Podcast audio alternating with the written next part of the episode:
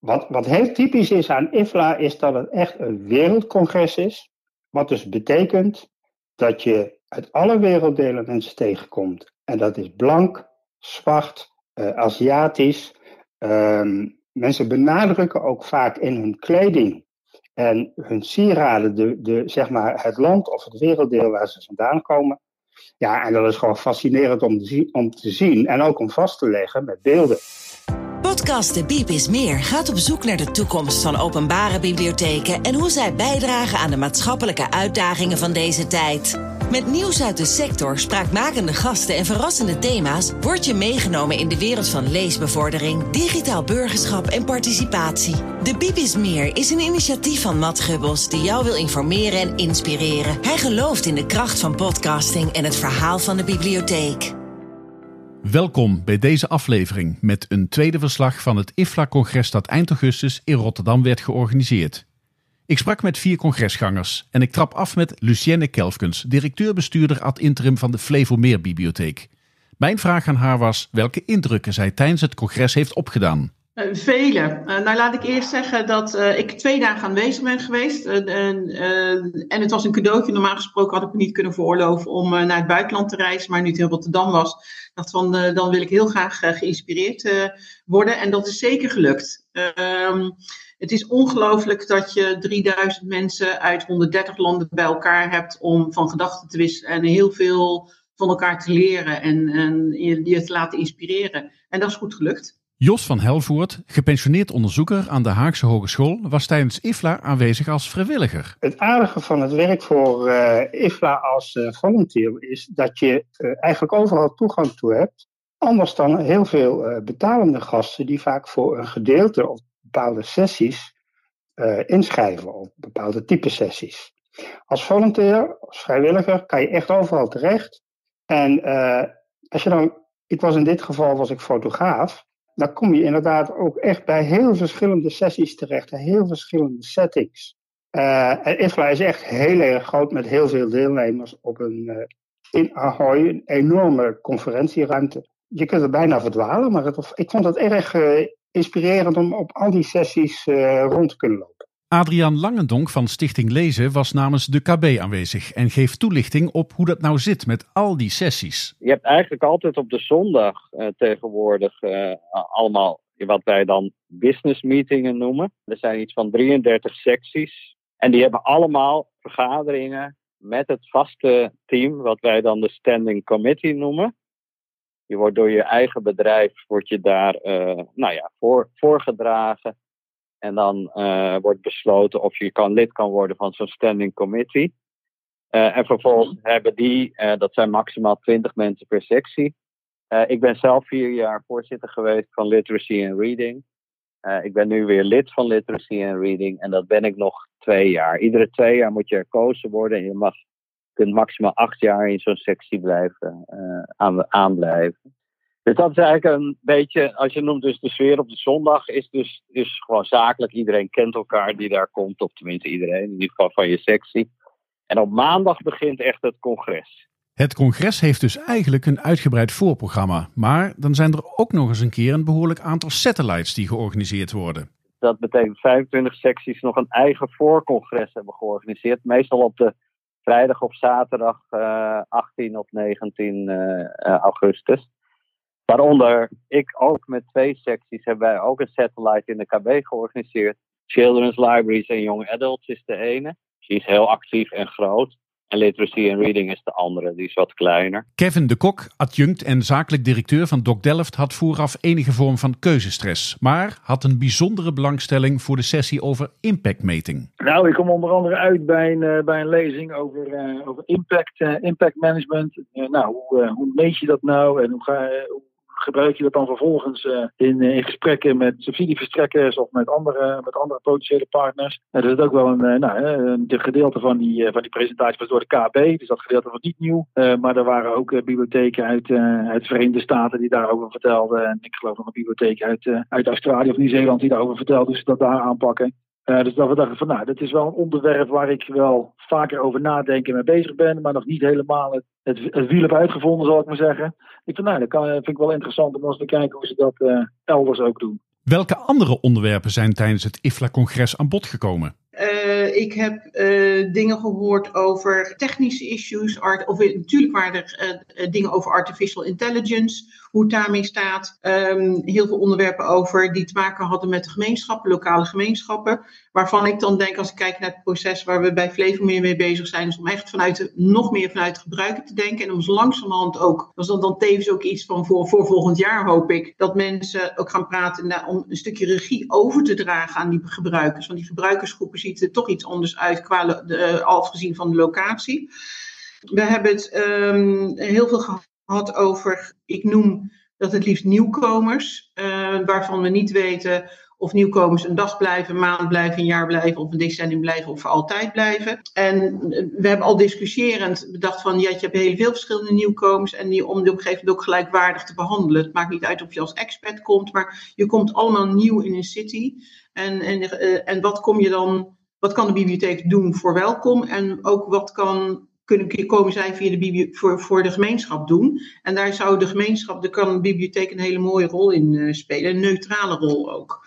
En dan kom ik ook meteen op iets anders, dat je ook een aantal onderwerpen langs ziet komen waarbij je denkt van nou, we zitten op het grensje van dat, um, dat we ook ons als social worker gaan gedragen of als uh, opleider. Je moet je echt heel erg goed zorgen dat je die grenzen niet overgaat, want daar zijn librarians ook niet uh, voor We moeten ons meer bekwamen juist om community librarian te worden. En uh, dat is ons sterke punt. We moeten ook vooral neutraal blijven en niet op die andere vlakken blijven. Want er zijn andere mensen die daar veel meer kennis uh, van hebben.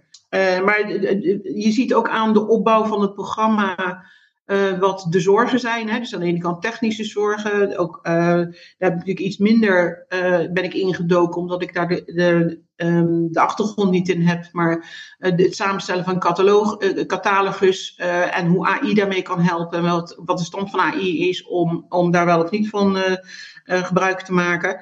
Maar je hebt het ook gehad van hoe je op een um, goede manier bijvoorbeeld jongeren kan helpen als een soort discovery trip.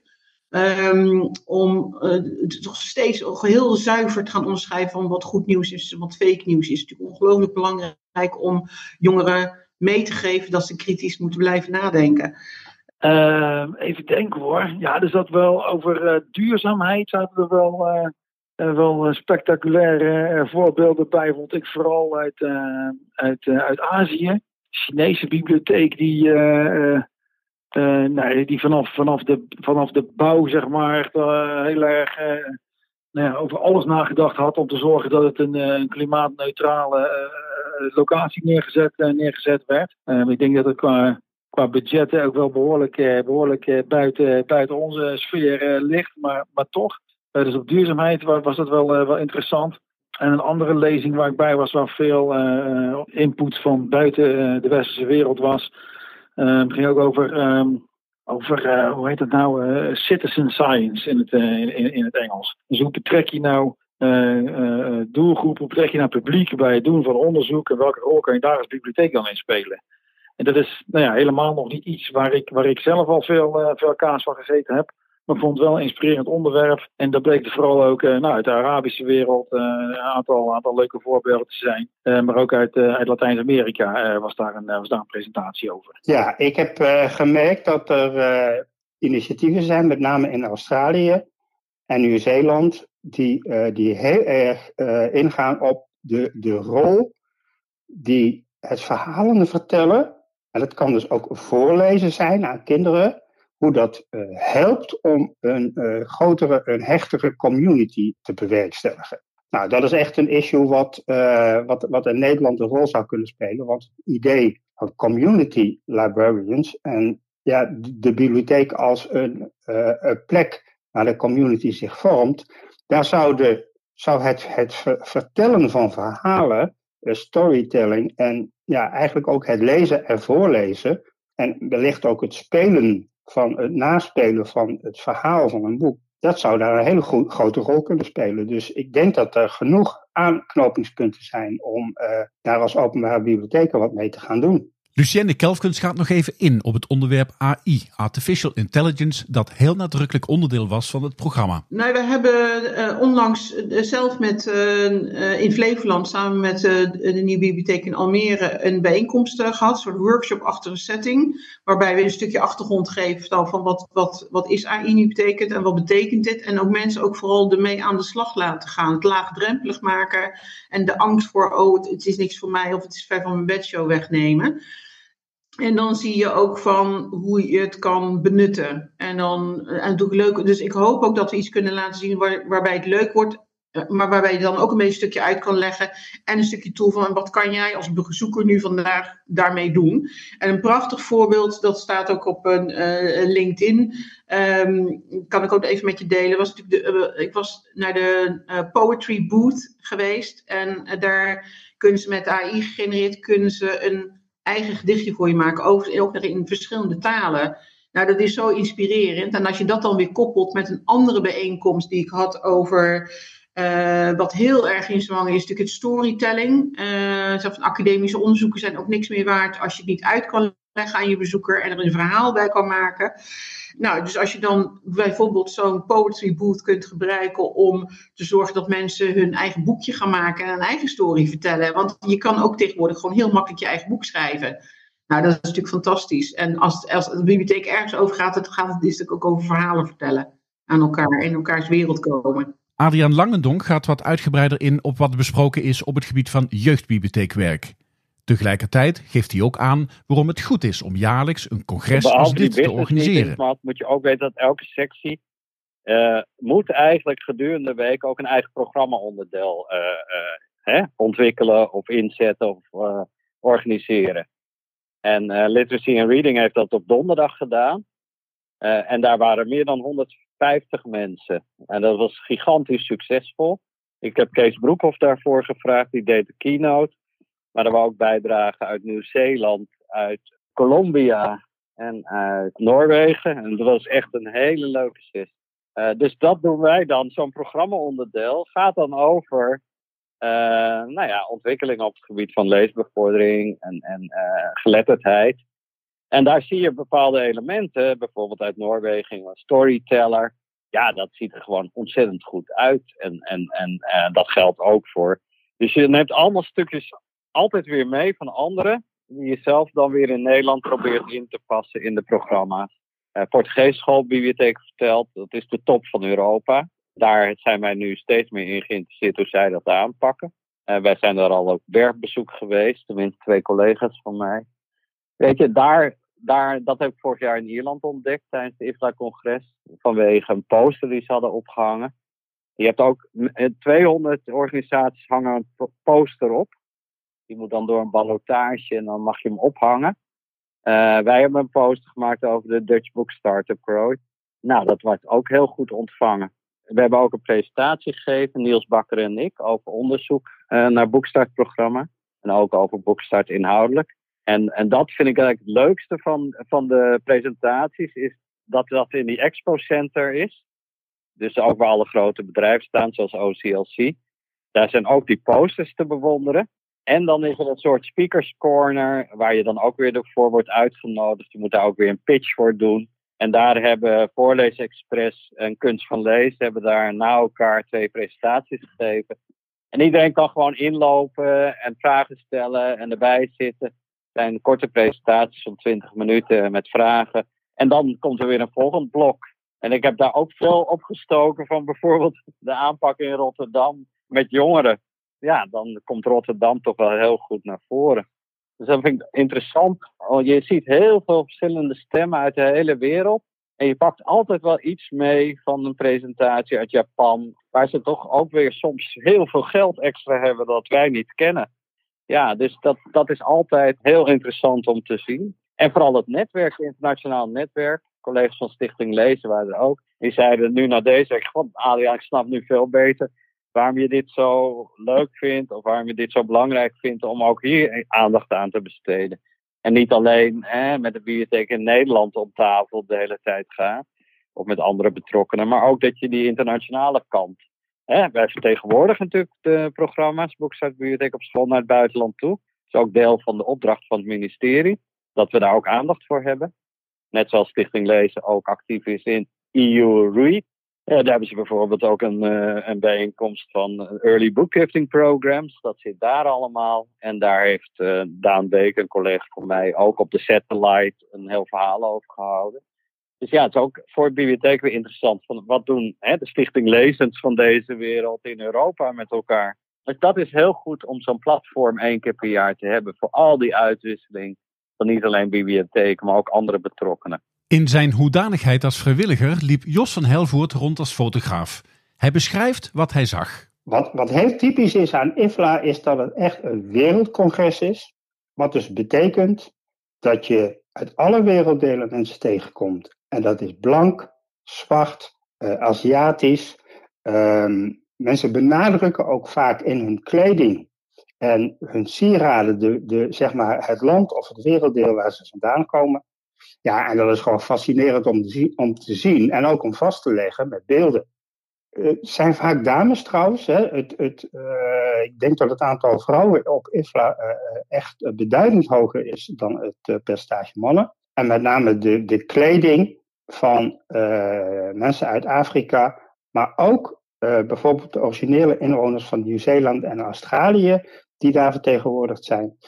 Die, dat, is, dat is niet, dat is niet in, een, uh, in een podcast te omschrijven hoe mooi dat is. Dat moet je gewoon zien als beeld. Ik vroeg aan Kevin de Kok hoe inclusief IFLA volgens hem was. Er waren in ieder geval mensen uit, uh, uit alle windstreken.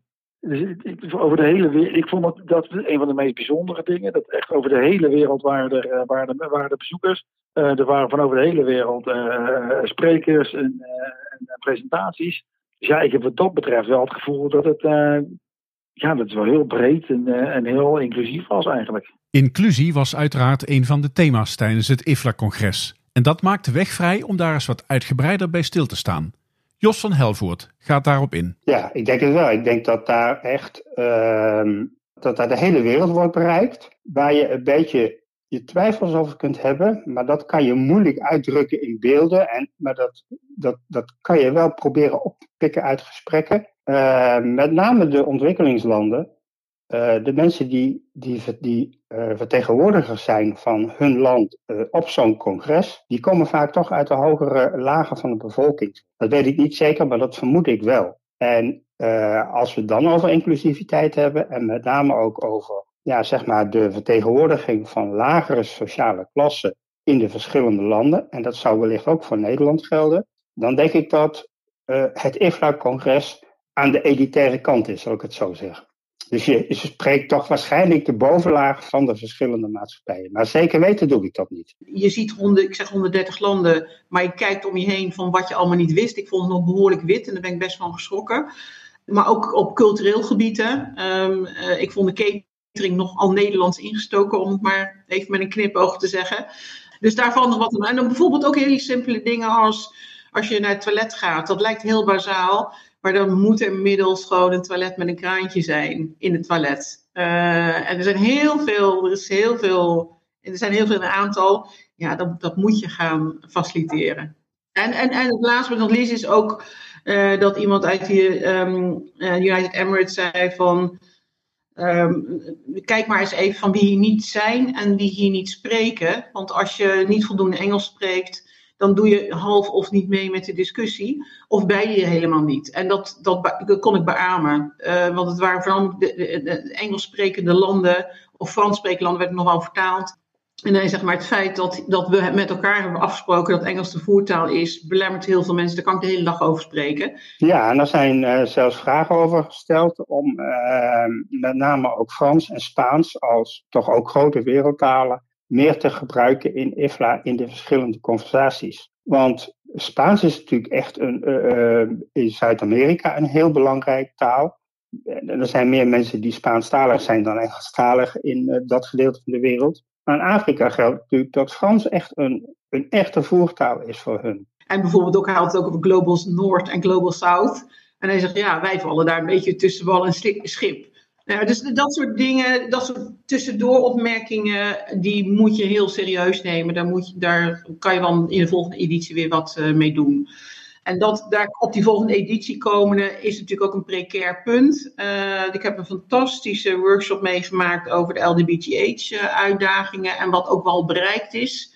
Nou, dan ben je echt trots op wat er in Nederland is. Waar, uh, er was een presentatie vanuit de OBA. Nou, fantastisch over collecties verzamelen, materialen verzamelen. Niet alleen boeken, maar dagboeken die ze krijgen. En wat daar allemaal mee van doen is. Er was ook een vertegenwoordiger uit Ierland met haar perceptie en hoe ingewikkeld het daar is. Um, en dan komt natuurlijk ook uh, de discussie over waar het volgend jaar is en de beperkingen. Ja, het is, we moeten dat met elkaar niet willen. Uh, dus, dus ja, je moet het blijven bespreken. want als je ziet waar de LGBTI-gemeenschap vandaan komt en wat er bereikt is, maar ook wat er nog niet bereikt is, anno 2023. Ja, dan vind ik echt van, dan moet je je functioneel schamen. En om te kijken dan ieder van wat ieder vanuit zijn rol beter kan doen en anders kan doen en zich uit kan spreken. Ook als je niet tot die gemeenschap behoort. En daarmee is de organisatie van het IFLA-congres volgend jaar in Dubai een belangrijk onderwerp van zeer heftig debat. Ik begrijp de keuze niet zo goed. Uh, vanuit die gedachte inderdaad ook. Hè, van, uh, dus, want het hele congres had ik wel echt het gevoel van, oh wauw, het is toch wel, wel bijzonder om zo hè, een soort van bibliotheekfamiliegevoel bijna. Van, met zoveel mensen over de hele wereld uh, streven we toch uh, tot op zekere hoogte vergelijkbare doelen na en hanteren we een aantal gezamenlijke normen en waarden. Maar daar is diversiteit en inclusie is, daar gevoelsmatig wel echt een ding van. En dat wordt ook heel, hè, daar, zijn veel onderwerpen over, daar wordt veel over gesproken.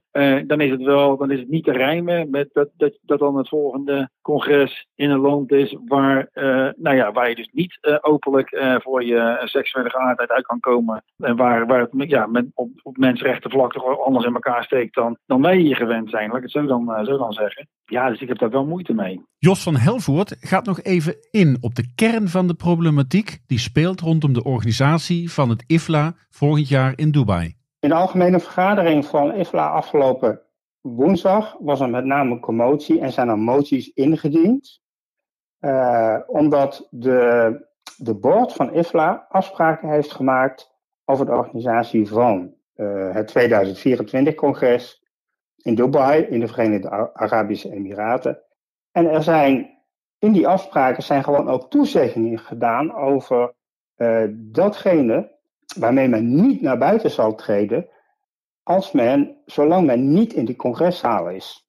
Dus in die congreszaal zal waarschijnlijk niet gecensureerd worden. Daar is feitelijk is IFLA zelf daar de baas over over, over de gesprekken en de inhoud. Maar zodra men buiten de congreszaal is, kan men zich daar niet over uitspreken. En daar heeft de board van IFLA zich aan, aan gecommitteerd. Ja, daar heeft de board van IFLA zich aan gecommitteerd. En ik begrijp wel dat mensen dat, uh, dat feitelijk kwalijk nemen aan het bestuur. Ook Adriaan Langendonk schaart zich achter deze meningen en geeft aan wat de gevolgen van dit besluit is van IFLA. Uh, er zullen weinig Nederlanders naartoe gaan, uh, verwacht ik. Omdat uh, zowel de KB als de VLB volgens mij hebben uh, nu officieel ook hebben gezegd van nou, uh, ja, wij zijn het er niet mee eens dat het daar plaatsvindt.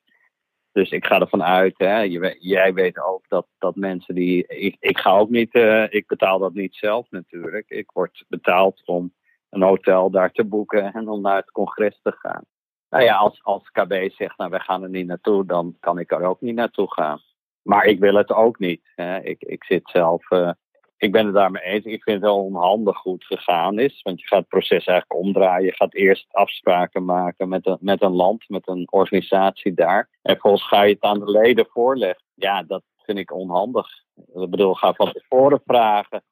Van, van zijn er bezwaren om daar naartoe te gaan. En in deze tijd snap ik gewoon niet dat, dat, uh, dat de board uh, hè, van de IFLA en, en de directie van de IFLA ja, deze beslissing genomen hebben zonder de leden te raadplegen. En, en toen er veel protest kwam, ga je alsnog de leden raadplegen. En dan is 68% tegen en je gaat vervolgens alsnog.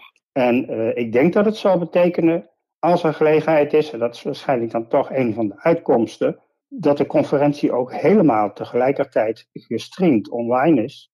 Uh, dat heel veel mensen vanuit hun eigen, uh, vanuit hun eigen land gaan deelnemen aan IFLA en daarvoor niet zullen afreizen. Terug nu naar Kevin de Kok en zijn bezoek aan de sessie over impactmeting. Hij vertelde er al eerder over, maar wat heeft hij er eigenlijk van opgestoken? Vooral om het niet in één keer, uh, niet in één keer perfect te willen doen.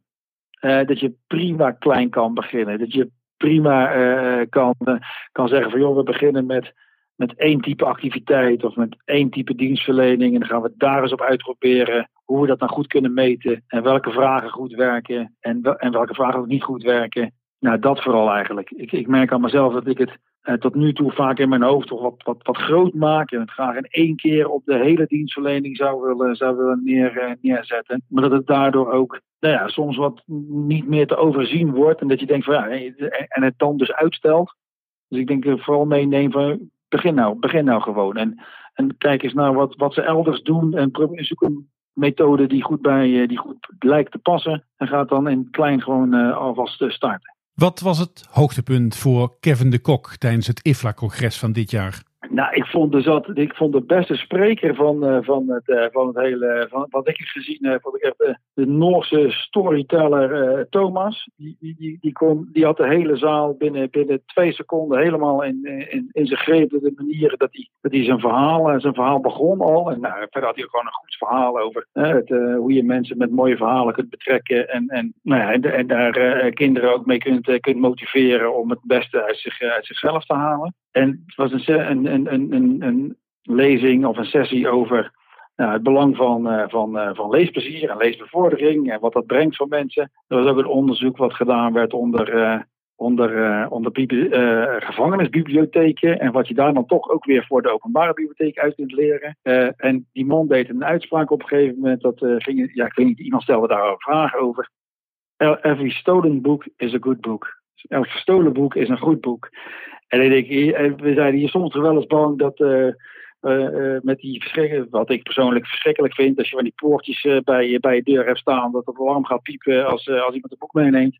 Ja, je kan er ook zo naar kijken. Als iemand er zoveel moeite voor doet en een boek zelfs wel meenemen uit je bibliotheek, dan is het zo per definitie een goed boek. En dan zal iemand daar ook profijt van hebben, want die wil zo graag lezen dat hij het zo meent. Ja, dat vind ik ook wel een, wel een, wel een, wel een mooie manier om naar, die, naar zo'n situatie te kijken. Ondanks alle commotie en ophef rondom de organisatie van het IFLA-congres in Dubai, ziet Kevin de Kok gelukkig ook veel gemeenschappelijkheid binnen het internationale bibliotheekwerk. Ik vond het juist heel mooi om te zien dat er zoveel qua, qua doelen en qua waarden, dat het, zo, uh, dat het toch zo op elkaar lijkt uh, in, heel veel, in heel veel onderwerpen in heel veel landen en op heel veel thema's. Dus ik denk dat het, uh, ik denk, ik zeg in Nederland ook wel, wel eens veel, ja, elke bibliotheek is uniek, maar elke bibliotheek lijkt ook gewoon voor 80 of 85 procent heel erg op de ander. Uh, en, die, en dat laatste stukje, dat is je couleur lokaal, zal ik maar zeggen. Daarmee sluit je echt aan bij, bij, bij je lokale doelgroep. Maar ik had nu eigenlijk wereldwijd ook wel dat gevoel van, oh, wat fijn, wat lijken we eigenlijk op elkaar. We eindigen met het allesbepalende beeld van Jos van Helvoort. Die ene foto die alles zei over het IFLA-congres van dit jaar in Rotterdam. Ik denk een van de mooiste foto's uh, die, uh, die ik zelf heb gemaakt, maar die ook op de IFLA-site al te zien zijn vanuit, ik denk dat die gemaakt is op de ledenvergadering afgelopen woensdag. Dat is uh, de jongen uit Denemarken van de Technische Universiteit, die daar spreekt, juist ook over deze, deze kwestie, over de deelname in Dubai. En de, ja, de uitdrukking die hij daarbij heeft, en uh, ja, ook zeg maar de persoon die dat is, en, en de, ja, de, de, de emotie die daaruit spreekt. Bedankt voor het luisteren naar deze aflevering van De Biep is Meer. Heb je zelf een mooi verhaal om te vertellen? Neem dan contact op via info.onderzoekmeteffect.nl. De Biep is Meer is een initiatief van Matt Gubbels. Hij gelooft in de kracht van podcasting en het verhaal van de bibliotheek. Graag tot een volgende keer.